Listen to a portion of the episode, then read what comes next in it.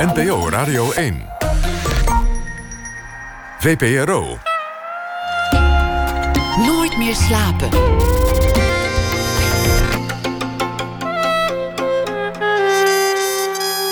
Met Pieter van der Wielen. Goedenacht en welkom bij Nooit meer slapen. De afspraak stond al weken. Als jullie voorstelling dan het theater in gaat, moet je zeker langskomen om erover te vertellen. Rock Me Baby heet die voorstelling over een niet heel succesvolle popgroep die op reunietour gaat. Maar de voorstelling is afgelast of misschien uitgesteld. Nou ja, je kent het procedé inmiddels wel. Vincent van Warmerdam, die is eh, desalniettemin hier. Schreef namelijk ook een nieuwe roman, Boksgeur, waarvan de release ook is uitgesteld. Maar dat boek gaat er zeker komen. Een muzikant, weer een muzikant, reist met een band rond. Het zijn de jaren tachtig, door Amerika, door Rusland. En onderweg is hij dolende. Je zou hem een desperado kunnen noemen. Hij verwekt kinderen, hij versiert vrouwen. Nou ja, versiert. Hij doet eigenlijk niks. Dat is nou net het hele ding van het boek. Hij stelt het leven uit. Maar wacht even. Voorstelling uitgesteld of afgelast. Boek nog helemaal niet verkrijgbaar. Waarom zit hij van Warmerdam hier in vredesnaam nog in de studio? Nou, omdat Vincent van Warmerdam toch gewoon Vincent van Warmerdam is. Theatermaker, componist, gitarist. Hij schreef veel muziek en muziek voor theatervoorstellingen. Won daar prijzen mee.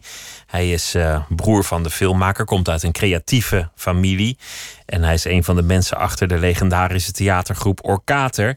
En hij schreef eerder al een mooie boek, De Plektrumfabriek. En nu dus dat nieuwe boek. Vincent van Warmerdam werd geboren in 1956. Vincent, welkom. Leuk dat je er bent. Hallo. Ik had je geboortejaar goed, toch? Want anders was het ja, ja, erg als ik je geboortejaar dan uh, verkeerd heb. Een uh, iconisch geboortejaar. Er is zelfs een boek, daar is ook een boek over geschreven, over 1956. Vanwege de Hongaarse opstand en de opkomst van Elvis Presley. Exact. En, ja. en zo nog een paar, een paar dingetjes. Dit, dit zou ook zo'n jaar worden waar ze later boeken over gaan schrijven. Denk dat zou heel goed kunnen, ja. Niet een boek dat ik, dat ik graag terug zou lezen, hoewel tegen die tijd. Nou, ik zag laatst uh, Blade Runner 2049. Ja. En dat, dat vond ik toen een soort van Heel ver weg. Heel ver weg, maar inmiddels is dat alweer een stuk dichterbij gekomen. Ja. Je had ook films die al lang achter de rug zijn van Back to the Future 2, dat iedereen kon vliegen met skateboards. Ja. En dat, dat was dan 2012. Nou, dat, dus, al, dat hebben we al achter de rug. Ja. En er is niks van, niks van gekomen. Ja. Hoe, hoe, hoe gaat het nu? Want je zou op tournee zijn met deze voorstelling. Ja. En je zou druk zijn met de presentatie van een boek. Ja. En nu ineens zijn al je dagen leeg en uh, heb je al een, een hobby of, of hoe, gaat het? Mm, nou ja, nou ja, uh, het lot is mij enigszins welgezind in, in die zin dat ik, ik zat al een beetje tegen de, deze periode aan te hikken. Het was een zwaar tournee, uh, 50 voorstellingen in een vrij korte tijd, dus vier, vijf keer per week. Maar ondertussen had ik ook al afspraken staan om uh, filmmuziek te maken. Uh, van twee uh, projecten. Dus het zou eigenlijk te druk worden, dat wist je al? Ik, ik, ik, ik, ik had me al geanticipeerd door vooruit te werken. Nou, dat doe ik echt nooit. vooruitwerken, dat is. Je bent iemand die tegen, tegen deadlines aanhikt. Ja, heerlijk. Maar dit, dit moest al. Dus ik, ik had al wat werk gedaan. En, en, maar nu ja, nu komt het eigenlijk uh, op een bepaalde manier natuurlijk heel slecht uit. Maar dus voor, de, voor het werk. Ik ben nu wel heel lekker bezig met die filmmuziek. En, uh, dus dat gat is mooi opgevuld, laat ik het zo zeggen. Ik hoor op heel veel plekken, ook op de radio en lees de kranten, en mensen die ik spreek. Mensen die aan de ene kant natuurlijk enorm balen van de situatie en zich zorgen maken om hun gezondheid of die van anderen en de economie en ga ze maar door. Maar tegelijk ook heel veel mensen die zeggen: Ik voel ineens een soort rust. Ik ben even uit, uit de race gestapt. Ja, er is geen, econo er is geen economie meer. Die, die is gewoon is eh, geen, geen, kapot. Geen dwang. Ja, nee, dat, dat, dat voelt heel merkwaardig. Eh, ik ben nu thuis met mijn vrouw en mijn 13-jarige dochter, die dus online les krijgt. We zitten alleen maar thuis. Of af en toe gaan we naar mijn werkruimte in uh, Noord. Uh, maar dan meestal s'avonds, omdat er overdag ook gewerkt wordt door andere mensen. Uh, dat heeft iets heel. Ja, ook iets heel. evenwichtigs. Of hoe zeg je dat nou? Iets, iets heel rustigs, inderdaad. Iets. Maakt het financieel veel uit, zo'n zo'n afgelasting van de voorstelling? Uh, nou, dat is ook nog een kwestie van afwachten. Want het, gaat natuurlijk om in hoeverre uh, de gedupeerden. Uh, en dat is in dit geval de, de, de, organise, organiserend productiehuis. Of die ja, op de een of andere manier zijn schade kan verhalen. En of we de voorstelling zo kunnen hernemen dat we daar nog iets van terug kunnen verdienen. En dat we hebben nu een, eh, een, een eh, hoe zeg je dat, een, eh, een gepland in juni. Maar dat is nog maar helemaal de vraag of dat door kan gaan natuurlijk. En dan is het maar een beperkt aantal voorstellingen. Dus ja, nee, dat, ik denk dat, er, dat het een hele moeilijke tijd wordt voor, uh, voor een heleboel mensen in onze sector. Voor heel veel mensen. Het was al lastig natuurlijk. Laten we dit niet een uur doen, want, nee, want dat gebeurt op vele plekken, uh, ook in de media. Ja. En, en misschien is het leuk om, zoals ik vandaag deed, weg te dromen naar andere tijden. Ja, door, laten we het een beetje licht houden. Door, door jouw boeken te lezen. En, en het boek dat er nu aankomt, heb ik met, met groot plezier gelezen over een muzikant in de jaren tachtig. Die. Ja, wat is het voor man? Hij is nergens de aanstichter van al hetgeen er in dat boek gebeurt. Hij is nergens de initiatiefnemer. Hij laat het leven op zich afkomen. Hij heeft relaties of nou ja, affaires met vrouwen. Hij heeft tijd. Hij reist met een band. Of ze ooit gaan doorbreken is onduidelijk. Heel even gloort de hoop op grote roem. Maar het bevalt ze eigenlijk niet. Artistiek niet, maar ook de ambitie ontbreekt. Ze reizen rond in een hecht gezelschap door Amerika, maar op alle manieren komen de persoonlijke verhoudingen onder druk te staan. Het is een tijd die jij in ieder geval kent. En je bent zelf ook muzikant geweest. En je hebt ook in bands gespeeld. En je bent duidelijk op alle plekken geweest die je beschrijft. Het, het bracht me ook een beetje terug bij die tijd in Amsterdam, begin jaren tachtig. Was, was jij toen in Amsterdam? Ja, ja, ja, ja. Nou, ik kom oorspronkelijk uit Haarlem, maar ik heb eigenlijk mijn hele puberteit in Emuiden gewoond. En vrij vroeg, ik denk op mijn negentiende naar Amsterdam gegaan. En sindsdien woon ik in Amsterdam, ja. Dus, maar het gek is dat... Ja, al in de tachtig jaar hebben we ook heel veel gereisd. Ook vooral met... Uh, met bandjes? Nou, vooral met de theatergroep uh, House Rokater en later met Okater. Dus ik ben er ook heel vaak niet geweest. Zo. Dat, tenminste, ik kan me zelfs herinneren van de, bijvoorbeeld de Kroningsdag... dat wij in Parijs zaten. Dus die grote rellen gingen aan je voorbij. Ja, dat, dat ja, hoorde je dat later. wij op de, uh, via de radio of via. Dat weet ik niet meer precies. Maar daar waren wij niet bij. Je beschrijft een tijd waarin, waarin mensen veel tijd hebben. Weinig perspectief. Het is misschien de verloren generatie. De generatie die uh, van de universiteit of wat dan ook kwam zonder echt perspectief op een baan. En als je al een baan kon krijgen, dan voelde het als verraad om hem, om hem te nemen. Want het had ook wel iets chics om geen werk te hebben, volgens mij. Je beschrijft mensen die niet al te gewassen zijn. Eén zinnetje, oh. moest ik om lachen. Van de BH's zou je soep kunnen trekken. Sommige. Van sommige BH's zou je soep kunnen trekken. Ja. Dan heb ik meteen een beeld van wat voor tijd het is. Ja, ja dat was niet, niet altijd even fris. Nee. Nou ja, ik, ik, dat, dat werkeloze element wat jij beschrijft, dat, dat heb ik niet op die manier uh, meegemaakt. Dat uh, eigenlijk de tachtige jaren als zwart gat, bijvoorbeeld. Als, uh, weet je wel, zoals in Engeland met Thatcher. En, dat heb ik eigenlijk pas later begrepen. Dat is volledig aan... aan je werkte al, je deed eigenlijk al gewoon. Ja, je, en, en ik was misschien ook wel on, onnozel op een bepaalde manier. Zeker door waar je mee bezig was dat, ja, ik weet niet. Dat, dat kwam op, op de een of andere manier niet binnen. Ook door je jeugd misschien, denk ik. Omdat je al een hele vrije jeugd had? Nou, nou ja, nee. Dat misschien ook. Maar uh, het was meer dat de wereld om je heen eigenlijk niet helemaal tot je doordrong. Zelfs als er extreme dingen gebeurden, zoals wat ik dan zijdelings heb meegemaakt in China. Dat, dat is eigenlijk een soort. Ja, eigenlijk beetje vergelijkbaar wat er nu gebeurt. Er gebeurt iets heel heftigs om je heen. En toch eh, heeft het de neiging om niet helemaal tot je door te willen dringen.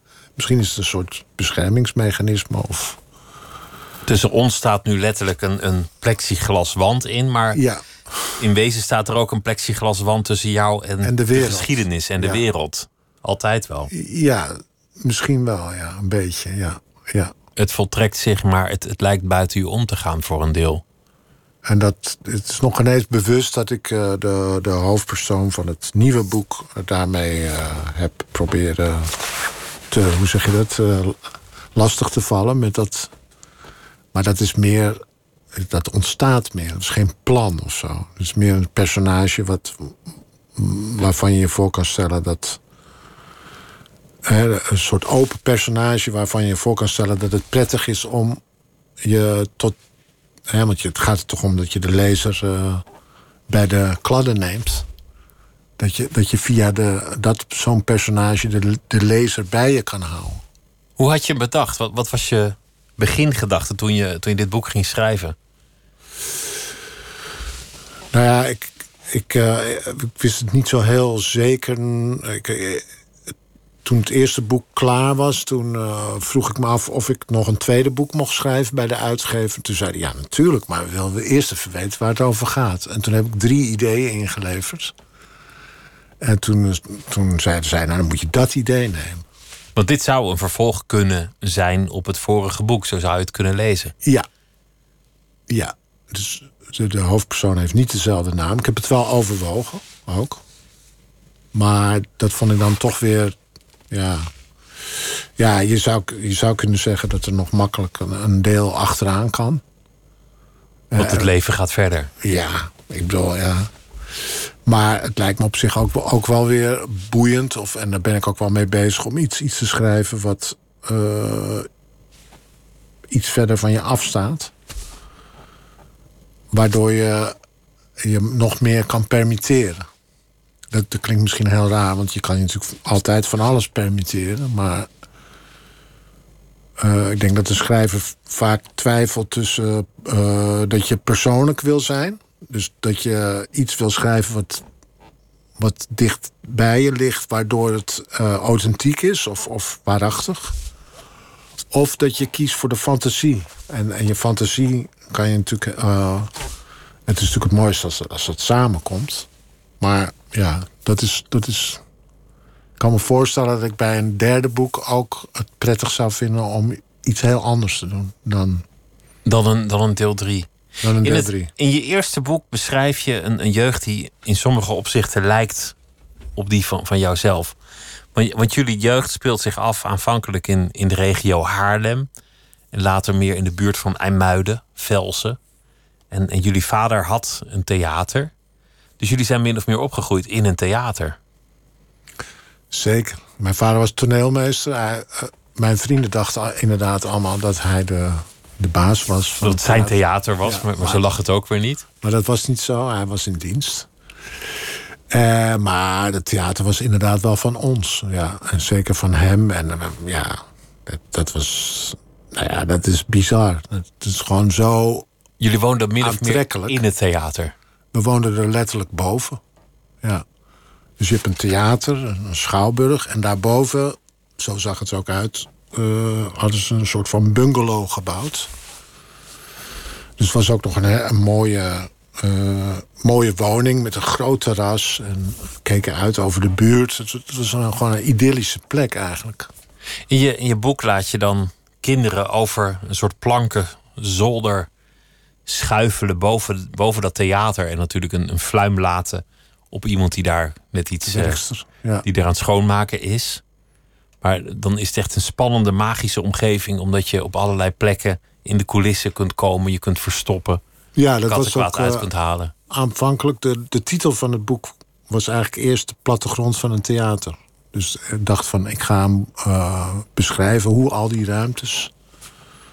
in zo'n theater... Een theater heeft ongelooflijk veel ruimtes. Spannende ruimtes, zeker voor een kind. En in die ruimtes gebeuren dan dingen.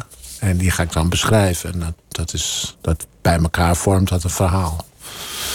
En zo ben ik wel begonnen, ja. Want zo was het ook. Wat, wat was het voor theater? Wat speelde daar? Wat was daar te zien? Het was de uh, stad Schouwburg-Velsen. Dat is een, uh, ja, een regionaal thea een stadstheater eigenlijk. En daar was uh, ja, uh, een combinatie van professionele gezelschappen die daar kwamen. Maar, maar toen in die tijd ook heel veel amateurtoneel, waar, waar mijn vader dan weer decors voor maakte. maar ook, ja, ik heb ook de Golden Earring daar gezien bijvoorbeeld. Kwamen Golden Earring en dan stond het gebouw te trillen op zijn grondvesten. En dan was het gewoon een, een, een, eh, een, soort rocktheater. Als je dat dan zou willen, had je dan niet boven thuis thee kunnen drinken en, en een boek lezen? Als de Golden nou, Earring mijn moeder klaagde daar. Mijn moeder was hoofdpijngevoelig, dus die klaagde daar ook over. Ja, dat, dat, dan trilden de schilderijen bij ons uh, aan de wand, weet je wel, als er dat soort dingen gebeurden. En het was een groot gezin. Want jij bent de middelste. Uh, drie, drie zonen, twee dochters, ja. En, en die dochters waren uh, dan weer vijf jaar jonger dan ik. Ik ben de jongste zoon. En uh, de zonen... die, en de dochters komen daarna? Die komen vijf jaar daarna, ja. Dus dat, dat waren eigenlijk ja, nakomertjes op een bepaalde manier. En bovendien een tweeling. Je schetst in, in dat boek een, een moeder die een, een soort koningin is, maar dan zonder het overwicht. Wat, ook wel een mooi beeld is. Ja. Maar een, een, een, moeder die dat eigenlijk allemaal niet, niet kan bolwerken, nee, die chaos. Niet helemaal aankomt, nee. Ja, dat vond ik wel uh, lastig. Want mijn moeder is inmiddels dement. Uh, maar op het moment dat het boek uitkwam, was het niet helemaal duidelijk of ze, of ze dan nog eigenlijk las. Wij vermoeden al van niet, maar. Dat was wel even gevaarlijk om het dan. Nou, ja, ze zei dat ze het gelezen had, maar ik, ik, ik denk dat dat niet meer binnenkwam op de een of andere manier. Want dat is natuurlijk lastig. Ik weet dat Alex bijvoorbeeld ook wel plannen heeft om iets te schrijven over zijn jeugd. Maar daarmee gewacht heeft totdat mijn ouders waren, zouden zijn overleden. Maar dat is inmiddels nog niet. Uh, mijn moeder leeft nog steeds. Dus in die zin ben ik hem uh, voor geweest. Dus, maar ik ben heel benieuwd. Het is wel een jeugd die, die een boek verdient. Om, omdat het een, ook een heel wonderlijk vrije jeugd moet zijn geweest. omdat je, je, beschrijft ook een, vader die, die jullie best wel de ruimte geeft. Ja, mijn vader was uh, eigenlijk een. Uh, hij zag er helemaal niet uit als een hippie, maar hij had wel best wel. Uh, ja, gedachten over. Hij zei bijvoorbeeld: die jongens moeten niet naar school. Tussen, tussen, laat ze tussen hun tien en hun zeventiende gewoon freewheelen. Waarom moeten ze naar school? Dat is. En uh, ja, dat, dat, dat, dat, mocht je helemaal niet zeggen. Hij zei wel meer rare dingen. Hij zei ook dat hij in de oorlog een goede tijd had gehad. En dat hij die Duitsers die hij ontmoet had, die waren heel aardig. Het waren ook maar gewoon jongens die op het land werkten. Weet je wel, dat, dat, dat soort recalcitrant uh, ideeën had hij wel. En, en, uh, maar hij was ook een. ja, eigenlijk een. dat schrijf ik ook in het boek. Een, hoe zeg je dat? Een, een, een, een middenstander. Dus een opdrachtnemer. En altijd ja, een, een beetje gespannen verhouding met de opdrachtgever. En dat herken ik heel erg.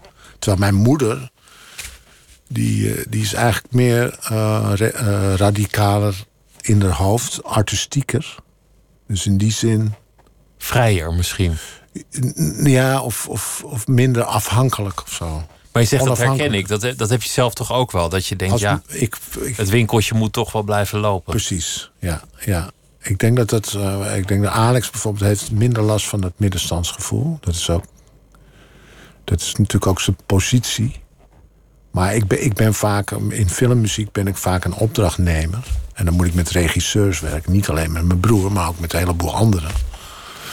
Ja, dat is soms wel even slikken natuurlijk. Dat, daar spreekt een enorme bescheidenheid uit als je dat zegt. Dat het ook in je karakter zit om die rol aan te nemen. Ja, maar het is ook, gewoon, ook weer economie je moet gewoon leven en je moet je, je werk doen en je moet je werk goed doen. En, en je, je, ja, je moet een beetje schipperen met. Ja, wat de mensen willen. Wat, wat mensen willen en, en, wat jij wil en waar het dan Ja, soms gaat dat bijna fout. Meest, meestal, ja, soms gaat het echt fout. Dat, dat gebeurt eigenlijk eh, in, in mijn geval eh, steeds vaker, omdat ik ouder word. En wat bedoel je met gaat fout? Dan, dan loopt de opdracht Nou, dan, stuk. ja, dan, dan, dan, dan, dan, dan, dan werkt het niet. Op de een of andere manier. En dan, en dan moet je ermee ophouden. En dan, Is die jeugd altijd doorgegaan? Die, die sfeer van eindeloos gitaar spelen, creatief zijn, een beetje op ontdekkingstocht gaan, je verstoppen Eigenlijk ergens. Is, is het ooit opgehouden? Nou, ja, want daar, daar had ik het ook over met. eh, in verband met de voorstelling natuurlijk. Rock Me Baby is een, eh, een voorstelling van vier mannen. eh, op onze. Op, op, Van een zekere van leeftijd. een zekere leeftijd. Die toch nog een beetje de illusie hebben dat, ze, dat het allemaal nog goed kan komen. En dat is eigenlijk een heel mooi idee. Van, eh, en dat, dat heb ik eigenlijk in mijn, in mijn eigen leven ook.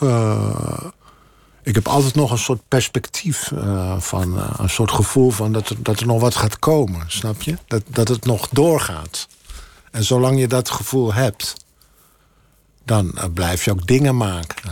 Of eigenlijk, het gaat nog ineens om dat je dat gevoel hebt. Het, het gaat erom dat je dat gevoel krijgt omdat je steeds dingen blijft maken. En blijft streven naar bijvoorbeeld een boek maken opeens. Dan ga je weer een boek maken. Oké. Maar je hebt zoveel verschillende dingen gedaan. En, en jullie maakten eerst heel lang theater samen. En Ja, ook af en toe totaal rare dingen. Of, of dingen die nog niet gedaan waren. Echt, echt totaal uit het niets. Alex is op een gegeven moment zomaar film gaan maken. Kwam ook best wel uit de lucht vallen. zeker. Ja. En, en bij jou lijkt het ook wel zo dat je, dat je een soort speels pad volgt.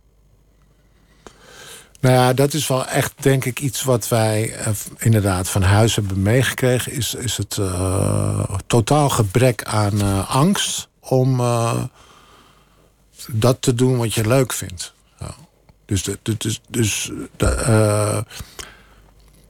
ja, moet je dat nou uitleggen? Van, ik denk dat een heleboel mensen, ik herken dat ook bij andere mensen, die, die beginnen niet aan dingen omdat ze dan bang zijn dat het niet goed is of zo.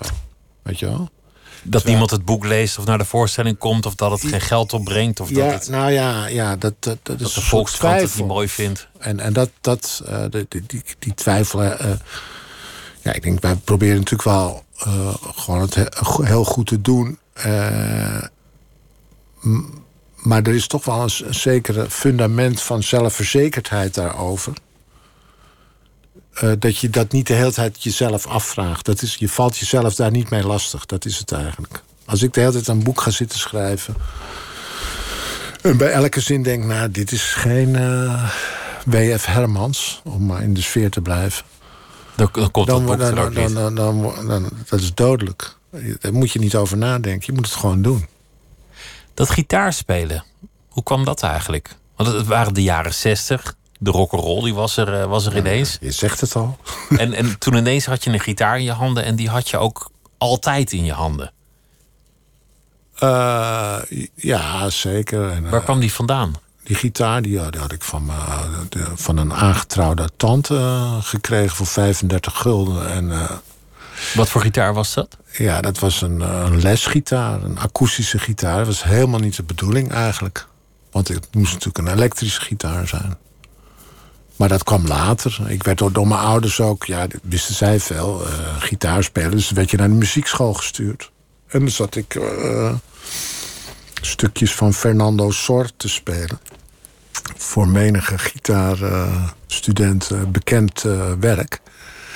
Maar dat, dat wilde ik helemaal niet. Ik wilde liedjes spelen van de Beatles en zo. Dus toen ben ik daar weer afgegaan. En dan, ja, dan ga je gewoon naar platen luisteren en die naspelen. Dat is eigenlijk het idee. Tegenwoordig ga je naar YouTube kijken en dan zijn er mensen die je les geven. Maar dat. dat, dat was, gewoon op gehoor en het uitvinden en dan ja, proberen zo te klinken. Uh, ik had ook een paar vrienden die heel goed gitaar speelden en die mij allerlei trucjes leerden. Muziek die, die, uh, die mij deed denken aan je boek. Dat is van eh, Jackson Brown. Dat, dat is ook muziek waar jij zelf van houdt, uh, volgens mij. Nou ja, dat is gek. Hè? Jackson Brown. Ik ben eigenlijk helemaal geen fan van Jackson Brown. Ik vind het een beetje een zeikert. Maar hij heeft één plaat gemaakt. En uh, een, ik ben een keer met een vriend van mij in Amerika geweest. en die plaat was onze, ja, hoe zeg je dat? Onze guidance on the road. Want hij, hij schreef ook liedjes in tourbussen en nam ze volgens mij zelfs op in tourbussen. Exact. En de, bijvoorbeeld het liedje wat ik aangegeven had, uh, The Road. Dat uh, is ook gedeeltelijk uh, op een hotelkamer opgenomen. En dan op de helft van het nummer gaat het over naar de zaal. Ja, dat vonden wij natuurlijk allemaal reuze stoer. En de tekst van het liedje is heel erg uh, ja, melancholisch beschrijven van een uh, pop, popmuzikant, rockmuzikant die on tour is. Maar weet je wel, gaat ook niet helemaal lekker. Past ook bij de voorstelling, past bij het Zeker, ja. En ik ken één iemand die, die helemaal gek is van Jackson Brown... die ook geweldig piano speelt trouwens. En die is, uh, hoorde ik vandaag net van de beademing af. Oh. Want die had uh, hartstikke corona. Dus, dus in die zin vind ik het ook toepasselijk om dit... Aan hem op te dragen. Aan hem op te dragen. Hij weet wie het is, maar ik denk niet dat hij luistert. Jackson Brown, The Road.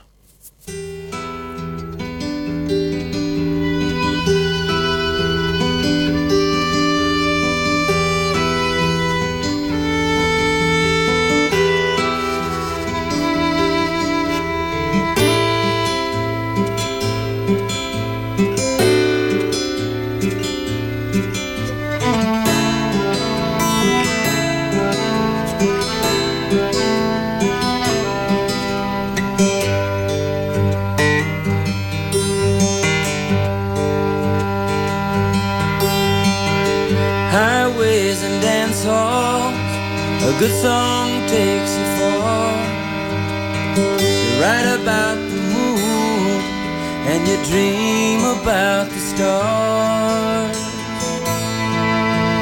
Blues in old motel rooms, girls in daddy's cars. You sing about the nights and you laugh about the scars.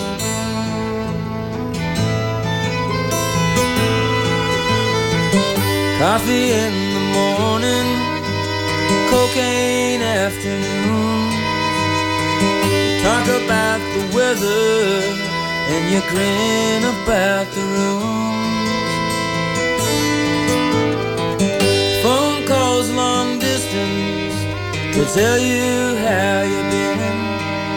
You forget about the losses, you exaggerate the wins.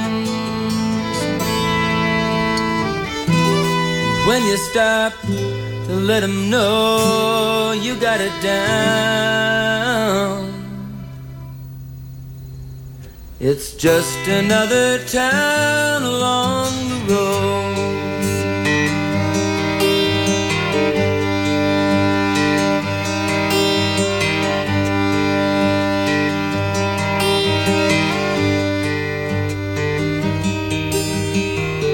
Ladies come to see you if your name still rings a bell. They give you damn near nothing, and they'll say they knew you well. So you tell them you remember, but they know it's just a game. And along the way, their faces all begin to look the same. When you stop to let them know you got it down.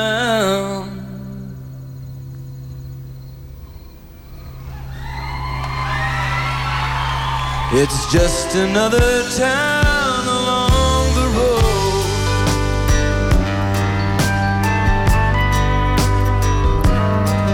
Well, it isn't for the money, and it's only for a while talk about the rooms and you roll away the miles. Gamblers in the neon, cling to guitars. You're right about the moon, but you're wrong about the stars. Cause when you stop to let them know you got it down,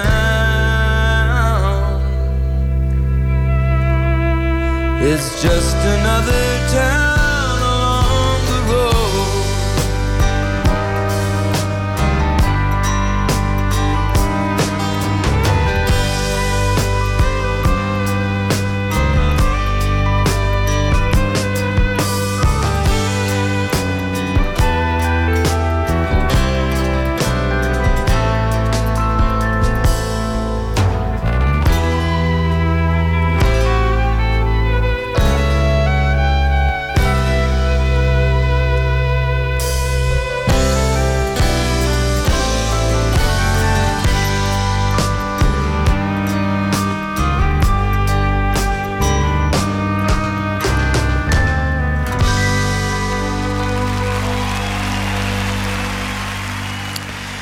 Jackson Brown, The Road. En eh, ik hoor dat eh, Jackson Brown zelf ook eh, corona heeft. Is dat zo? Ja, dat hoor ik net. Oh. De, de grootste fan die ik ken, die is herstellende.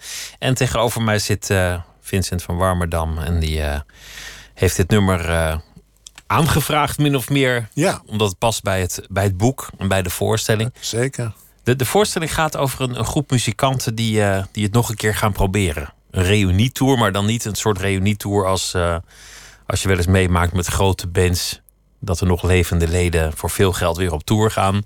Dit is een band waarbij het eigenlijk nooit echt van de grond is gekomen. Ja, het is wel een hit. eh, het- wij hebben heel veel plezier gehad aan het maken van een eh, fictieve Wikipedia-pagina. waarin de geschiedenis van die band beschreven wordt.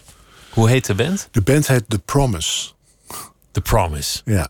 De belofte die nooit kwam. Eh, u zegt het. En het is de Rock Me Baby Tour. En het eh, gaat eh, over een band waarvan de zanger kennis heeft gekregen aan een Poolse con- conceptuele kunstenares, Ja- Janis Jankovic. En die heeft zich, hoe zeg je dat, min of meer binnengedrongen in dat gezelschap. Om dan een beetje de visuals eh, waar te gaan nemen. Hè. Dus ze, ze denken in clips en eh, allemaal pogingen doen om op die manier weer een voet tussen de deur te krijgen. Gecombineerd met de, de tournee die op, eh, op het punt staat. En er komt bij dat die vrouw ook nog zwanger blijkt te zijn. Ook nog. Op, op haar oude dag. Dus, nou, je begrijpt. Een kolderieke ravage eh, Ja, wordt het. zou het kunnen noemen. Het is een, En, maar jullie zijn allemaal naast theatermaker ook muzikus. Maar eh, René van het Hof volgens mij hiervoor nog niet. Want die, die speelt de, drummer. Eh, ja, nou, S- Servaas is ook niet echt een muzikant, maar die, die bleek wel heel aardig. Uh, Servaas Nelissen, de Servaas Nelissen poppenspeler, die acteur, schrijver.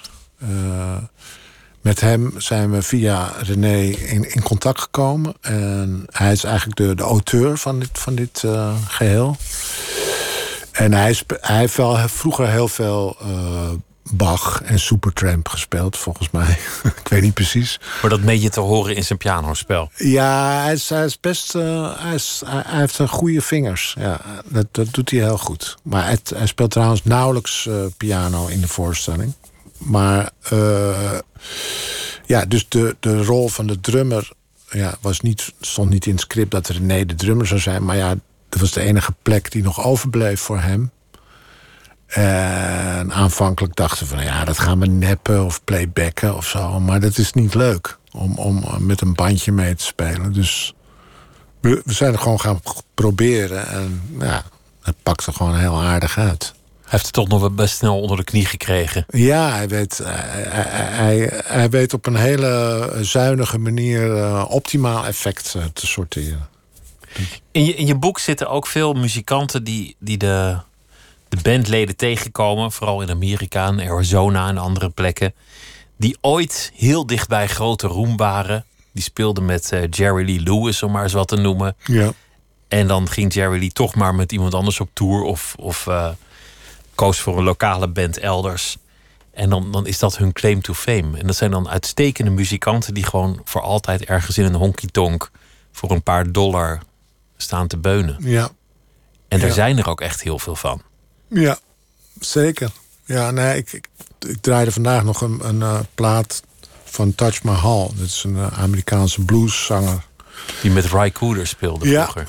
En eh, toen viel me de bassist op. En toen dacht ik, hé, hey, wie is dat? Een waanzinnige bassist. En toen ging ik dat opzoeken. En toen bleek dat die bassist eigenlijk twee platen met Touch Mahal had gemaakt. En, en dit was het. Verder nooit. Verder nooit. Dat was zo'n beetje het enige wat hij ooit gedaan had. En waarschijnlijk gewoon wel op regionaal niveau heel veel gespeeld. Eh, ja, dus dat, dat is het. eh, zo, zo, werkt dat, ja. Dus wij zien alleen de top van de piramide. En eh, dat heb je natuurlijk in Nederland ook. In Nederland heb je ook waanzinnige muzikanten die, die niemand kent verder. Wat, wat in je boek mooi naar voren komt, is de, ja, de, de verhouding tussen bandleden. Je gaat samen weg, samen uit, samen thuis. Maar onderweg gebeurt er van alles. En, en de, de hoofdpersoon, Rem, die krijgt dan nog een affaire met een van de bandleden, die toevallig een zus is van een ander bandlid. En dat moet geheim blijven. Dus er is bedrog en er is rancune. En tegelijk die kameraadschap van muzikanten die het helemaal gaan maken. En, en dat, dat vond ik wel mooi, omdat het een heel gek gezelschap is, een, een, groep. Je bent geen familie, misschien niet eens vrienden, maar je zit wel urenlang met elkaar opgescheept. Ja, je moet, er, je moet erin blijven geloven met z'n allen. En dat, dat is ook waarom uh, de, de, de meeste bandjes toch na zeven, acht jaar... Die komen dan in een fase terecht waarin ze bijvoorbeeld vrouwen krijgen en kinderen. En dan, dan, uh, ja, dan gaat het fout. Dan haken ze af. Dan, dan zijn er maar weinig bands die dat overleven eigenlijk. Ja, het beroemdste voorbeeld is natuurlijk de Beatles. Maar eh, bijvoorbeeld de Stones hebben dat allemaal heel goed. Op de een of andere manier hebben die die vriendschappelijkheid... Uh, en zeker die band tussen uh, Jagger en Richard... niet nog ineens misschien puur vriendschappelijk is... maar ook gewoon dat ze heel goed begrijpen... dat ze elkaar heel goed nodig uh, want ik heb wel begrepen dat ze elkaar stiekem haten. Of in ieder geval dat er periodes ja. zijn geweest dat ze elkaar ja, hebben er, gehaat. Er zijn wel anekdotes van, ja. Maar, maar toch, echt, echt haten ze. Dat, dat kan me niet voorstellen. Ze weten ook dat ze zonder elkaar niet veel zijn. Dat ze, dat ze, ze los elkaar van elkaar nodig. niet, zo ja. goed zullen zijn. Heb jij ooit dat meegemaakt? Die, die hang naar roem of de gedachte dat het ging gebeuren? Ja, natuurlijk. Ja? Nog steeds? Uh, nou ja, nee. Ik, uh, ik, ben, ik, ben, nu echt te oud om nog pop, popster te willen worden. Maar ja, nee, natuurlijk. Dat, dat, nou ja, goed. Dat, dat is een droom natuurlijk. Een jongensdroom. Net zoals voetballer willen worden. Nou, dat, dat, dat wist ik al vrij snel. Dat, dat zat er niet in. Maar en popster, ja. Je weet het niet. Het zou kunnen, maar... Ooit een hit, ooit doorbreken, ooit daar ja, toch nog staan. Ja, zeker. Ja. Nou ja, ik heb het ook vrij lang nog volgehouden. Ik, ik heb nog uh, uh, in de jaren negentig een serieuze poging gedaan om uh, met de Moondogs om me in de popmuziek door te breken. En we kwamen een eindje. Alleen we hadden eigenlijk een beetje last van het succes van Jiskevet omdat Kees Prins daarin uh, Want dat, zat. dat deed Kees Prins uh, besluiten om uh, de keus te maken om met Jiskevet daar zijn volle aandacht aan te geven. Wat een hele begrijpelijke beslissing was. En toen hebben wij het nog heel even met een Amerikaanse zanger geprobeerd, maar ik, ik ben helemaal gek van die gozer. Dus da, da, ja, toen is, het, toen is het doodgebloed eigenlijk. Zullen we iets luisteren van jouw eigen muziek? een van jouw uh, nummers, Midnight Walk. Wil je er iets over vertellen van tevoren? Of, uh... Nou ja, het is sowieso heel lastig om iets uit te kiezen. Van alle dingen die je gedaan hebt. Ja. En um, ja. Nou, ik, dacht, ik, uh, het boek, de Rock Me Baby Tour, popmuziek, gitaar spelen. Dit is een gitaarinstrumental die die ik een paar jaar geleden heb gemaakt. Die zat volgens mij oorspronkelijk in een voorstelling. Ja, het is puur. Het is een heel eenvoudig gitaarding. En ja, je hoort mij hier gitaar spelen. Dus dat, ik dacht dat is misschien ook wel eens aardig om te laten horen. Sommige mensen weten nog ineens dat ik gitaar speel. En goed ook. U speelt gitaar? Laten we luisteren. Ja. Ja, one, two,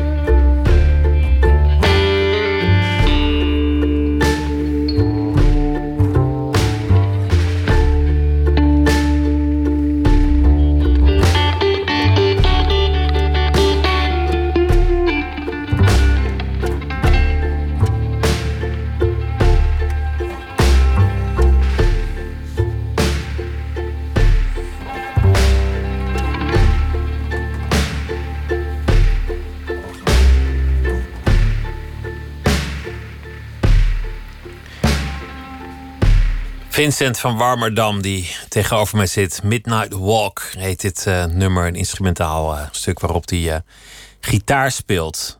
Je, je bescheidenheid valt, valt wel op. Ik ken mindere gitaristen die elke avond in cafés, thans toen er nog cafés waren, die elke avond staan op te scheppen over, over god weet wat. En dat, dat hoort ook een beetje bij de bravoer van het muzikant zijn. Maar bij jou, bij jou zie ik dat niet zo, die bravoure. Gitaristen zijn meestal best wel merkwaardig eh, introvert en ambitieus op hetzelfde moment. Ik, ik ben ooit, uh, gaat het boek ook een beetje verwijst naar een reis die ik gedaan heb met zeven gitaristen.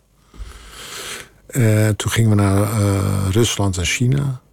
En dat, was, dat is dan gelijk een heel merkwaardig gezelschap. Omdat in een band heb je die, ja, die karakters eigenlijk. De gitarist, de zanger, de bassist, de drummer.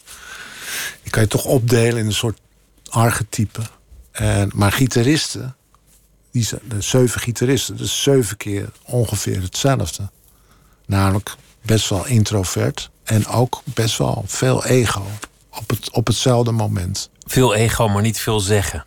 Ja, een beetje binnenvettig-achtige. Hè. Zangers zijn meestal meer uh, outgoing of uh, extravert. En uh, bassisten zijn natuurlijk legendarisch rustig altijd. Drummers die willen gewoon feesten en... Drummers zijn er nooit. Die zijn er nooit. Die komen niet opdagen. Die zijn altijd bezig, ja. In, in, in je beide boeken is, speelt vriendschap een heel grote rol de, de, de onvoorwaardelijke jeugdvriendschap in het, uh, in het boek De Plektrumfabriek over, uh, ja. over, over je vroege jaren in het theater. En in dit boek allerlei vriendschappen van, van bandleden, maar ook daarbuiten. Vriendschappen die worden bedrogen, verraden, die dingen toch overleven. Ja, ja, blijkbaar. Ja. De rommeligheid. Heb, heb je je wel eens verraden gevoeld door, door al die mensen die andere kanten op gingen? Je, je, je broer ging films maken en verliet min of meer de theatergroep. Kees Prins ging Jiske vet maken, verliet de band. Nou ja, zo, zo zullen er ongetwijfeld meer van die verhalen zijn. Nee. Viel je dat zwaar? Nee. Nee. Nou, ik heb wel eens verraden gevoelen, maar, zeker niet, niet daarom. Door, zeker niet door Alex of Kees Prins of zo. Nee. Nee, dat zijn, ja, god, dat zijn allemaal. Uh, dat, achteraf kan je daar een, een bepaalde uh, verhalen aan ophangen. Maar ja, dat zijn allemaal, zo, zo gaan die dingen. Is, ik bedoel, ik, nee. Het verraad wat ik uh, soms gevoeld heb bij vrienden... heeft dan meestal toch wel iets met, met meisjes te maken. Dat is in je boek ook. Maar, maar in jouw boek is, is jouw personage ook zelf de verrader. Die, die, die zit aan, aan ja, ja. andermans vrouwen, verwekt zelfs kinderen bij mensen die nog in, in affaires zitten. Ja, die, ja. Het, het, is, ja. het is heerlijk rommelig allemaal. Ja, ja. Ja, het was een zootje. Het was ook een zootje in het ja. echt. Nou ja, ja het was, dat was natuurlijk ook de tijd. Hè. Maar ja, goed, je kan je altijd wel uh, achter de tijd verschuilen. Maar het, het, was best een verwarrende tijd in die zin, omdat. omdat we hadden net de 60 jaren achter de rug, die wij zelf, in ieder geval ik niet zelf echt letterlijk heb meegemaakt. Dus dat hele uh, uit de band springerige met uh, seksuele uitspattingen, dat, dat. Daar was je te jong voor? Daar was ik te jong voor. En, en, to, en er, gebeurde, er waren wel een heleboel dingen veranderd. Maar er waren ook nog een heleboel. Ja, ik, ik had het gevoel dat, dat het fundament van het denken nog steeds uh, uh, ergens in de vijftiger jaren uh, vastzat. Terwijl er allerlei dingen in, in de oppervlakte veranderd leken. Maar, maar ja, mensen wilden een gezin. Vreemde tijd. Je had het beeld van een gezin. Van, van later kom ik ergens te wonen met een vrouw en kinderen. En tegelijk rommelde iedereen met elkaar aan en, en belandde in allerhande formaties in bed. Nou ja, dat is natuurlijk ook lastig. Hè? Ik kan me herinneren dat ik naar een uh, Beach Boy liedje luisterde toen ik een jaar of veertien was. En dan.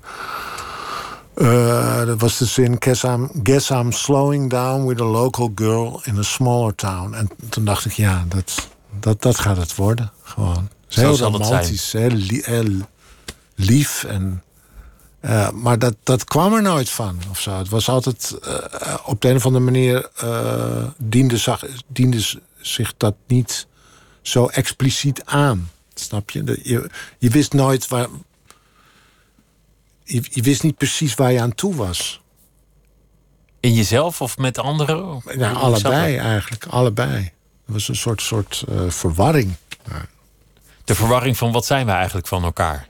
Ja, wat, wat is eigenlijk de bedoeling van... eh, van eh, Wat gaan we doen? Ja, kijk, in de 50 jaar was het eenvoudig. Je, je trouwde met je buurmeisje. Maar dat was in de, in de 80, 90 jaar was dat niet meer aan de orde. Het was een andere tijd geworden. Jouw personage eh, verwekt een kind en, en die vrouw zegt: Ja, maar ik ga het opvoeden met mijn ex, want we komen weer bij elkaar. Maar jij wordt ook vader. Ja, En in die, nou, ver- die ik- verwarring. Ik niet, maar de hoofdpers de, de romanpersoon. Ja, de romanpersoon, maar dat is die, dat is die verwarring. Ja, Wat- wat- ja bijvoorbeeld. Ja. Wat, wat, wat moet je, hoe, hoe, ga je daarmee om dan? Wat, wat, wat, wat, is dan precies de bedoeling? Er is niemand die zegt van nou, dat, dat zit zo, want dat is al tien keer, honderd keer eerder gebeurd. En dat doen we dan zo. Nee, je, bent. Er was geen schabloon. Nee, er was geen. Nee, precies. Er was geen, eh, geen methode voor of protocol. eh. In het boek speelt ook aids een rol. Dat komt dan opeens op in, die, in de jaren tachtig. ja, Dat is misschien in bepaalde opzichten ook een, een eind van een, van een fase geweest in de geschiedenis. absoluut. Absoluut. Ja. Daar eindigen die vrije jaren. The party was over. Ja. Nee, nou ja, dat was letterlijk zo. Echt, daarvoor was het inderdaad eh, tamelijk. eh, ja, het is best gênant, maar Promiscu. Toen ik eh, mijn dochter, eh, ik hoop niet dat ze luistert, eh, voor het eerst naar de, naar de lagere school bracht, toen herkende ik de, het kantoor van het GG en GD. Die zat daar vroeger. En daar ging je dan naartoe als je geslachtsziekte had. En dan kreeg je een cremmetje of een poedertje of een pilletje en dan was Precies. het wel weer goed. Ja. ja, en dan moest je rond gaan bellen. En nou ja, dat was de orde van de dag. Maar met aids ging je dood. Dan had je commercials Ja. van bloemetjes en bijtjes en het bloemetje en het bijtje en het bijtje dus ging toen, dood. ja, toen was het eh, afgelopen. Met, de met, eh, met de losbandigheid eigenlijk, grofweg gezegd. En nooit meer helemaal teruggekomen. Niet op die Dat manier. weet ik niet.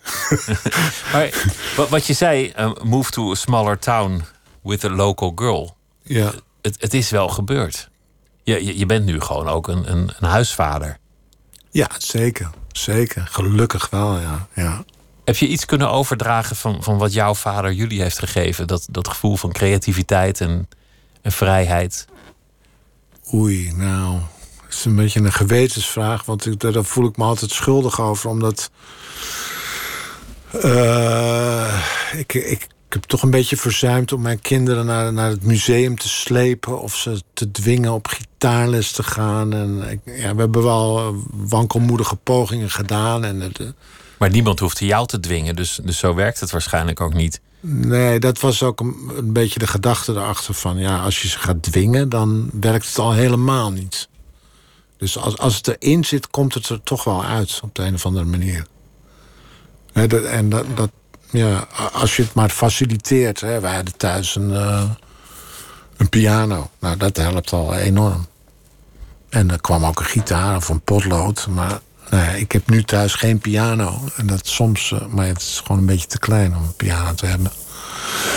Maar dat zou ik eigenlijk wel willen, natuurlijk. Dat je, Dat je kinderen dat, dat mee zou geven. Maar misschien dat die generatie wel, wel gewoon het op de telefoon vindt. Creatief wordt met, met, met een mobieltje en daar briljante dingen op gaat maken of al maakt. ja, nee, dat is natuurlijk. Misschien is de droom helemaal niet om, eh, om Jackson Brown te worden of Elvis. Maar om- Nee, nou, mijn dochter die weet nu al waar ze wil gaan wonen, in de Hollywood Hills. aha, dat, dat, is, dat is alvast een goede maar waarom en, en hoe, dat, eh, dat vertelt het verhaal niet. Ja. Maar dat zijn dan ook dromen. Van, eh, Wonen in de Hollywood Hills. Ja, nou ja, het komt ook omdat we daar... Een paar jaar geleden zijn we daar geweest. En op de een of andere vreemde manier... of dat had ik helemaal niet verwacht... vonden mijn kinderen Los Angeles helemaal te gek. Terwijl ik van tevoren dacht van... ja, moeten we daar wel heen? Want ik was er ooit wel geweest. En ik vond het een beetje een rare, ongrijpbare stad... met heel veel, weet je wel... eh, heel veel... eh, geen, geen echt centrum of Alles met de wagen. alles met de auto, eh, constant file. Maar ja, ze vonden het geweldig. Dus ja. L.A. Wat, wat vinden je kinderen van jouw muziek, van, van jouw gitaarspel? Mijn zoon zei ooit, uh, nou, van gitaarspel. Maar hij zei, van die muziek waar jij naar luistert... als ik die hoorde, zou ik het liefst zelfmoord willen plegen. Te veel de blues. Hij werd daar heel uh, treurig van, ja. Nou, dat kwam ook wel voor. Ik heb me ook daarna ook wel voorgenomen om... Uh, het was ook een periode dat ik een beetje in de, uh, in de echte Americana zat. Hè, dus de hele pure ja, liedjes met een gitaartje. Best wel eenvoudig. En, uh, maar er is ook nog een heleboel vrolijke popmuziek waar ik van hou. Die ik dan nu, ja, nu niet meer, maar toen wel wat meer opgezet heb om ze een, wat breder beeld te geven. En of dat geholpen heeft, dat moet je maar afwachten. Ja, het gek is dat soms uh, deed ik de proef op de som en dan zei ik, wie is dit dan? En, en, dan had hij het wel altijd goed. En dat waren dan wel of de Beatles of Frank Sinatra of, maar goed, ja blijkbaar blijft het toch ergens hangen dan. Ik ben, ik ben van de generatie waar iedereen de, de platenkast van zijn ouders plunderde. Ja. Waar de, de echt goede muziek, ja. die stond in je ouders platenkast. Want, want opgroeien in de jaren tachtig, dat waren toch wel dingen waar je ja. op uitgekeken raakte. Ja, dat is Duran Duran, dat was, was toch niet zo goed ja, als de Beatles. Ja, ik, ik, ik, ken het fenomeen, ja, maar dat, dat is niet meer zo. het interesseert ze niet De tijd meer. is voorbij. Nee, ik weet niet, jij, jij hebt natuurlijk ook een pick-up dan nog. Zeker, ja. ja. En dan, uh, kijk... Nog steeds, ja. Mijn dochter weet nauwelijks wat een plaat is. Een pick-up heeft ze dan... Weet je wel, als het... Oh ja, oh, oh ja. Snap je? Die, die, die, die kent dat misschien wel gewoon. Ze weet wel wat het is, maar het speelt geen rol in haar leven. Misschien ooit. Het is misschien leuk. Ja. Ik hoop dat jullie, uh, dat jullie het redden. Dat het in juni gaat gebeuren om uh, met uh, Rock Me Baby toch weer de theaters te ja, bezoeken. dat hoop ik ook. Want de, drie voorstellingen die we tot nu toe gaan, waren zeer hoopvol. de, ja, dat, dat, dat, dat beloofde heel wat uh, te worden. En het, uh, het boek zal weldra ook uh, verschijnen, Bokscheur. En het was leuk om er vast met je erover te kunnen praten. Dank dat je gekomen bent, ja, Vincent van Warmerdam. En morgen in Nooit meer slapen, dan zit hier Lisbeth Staats en journalist Antoinette Schulderman. Want zij schreef een boek samen met Michel van Egmond, De Negen Levens van Patty Bart. Dat morgen in Nooit meer slapen. Voor nu een hele goede nacht. En zometeen Miss Podcast.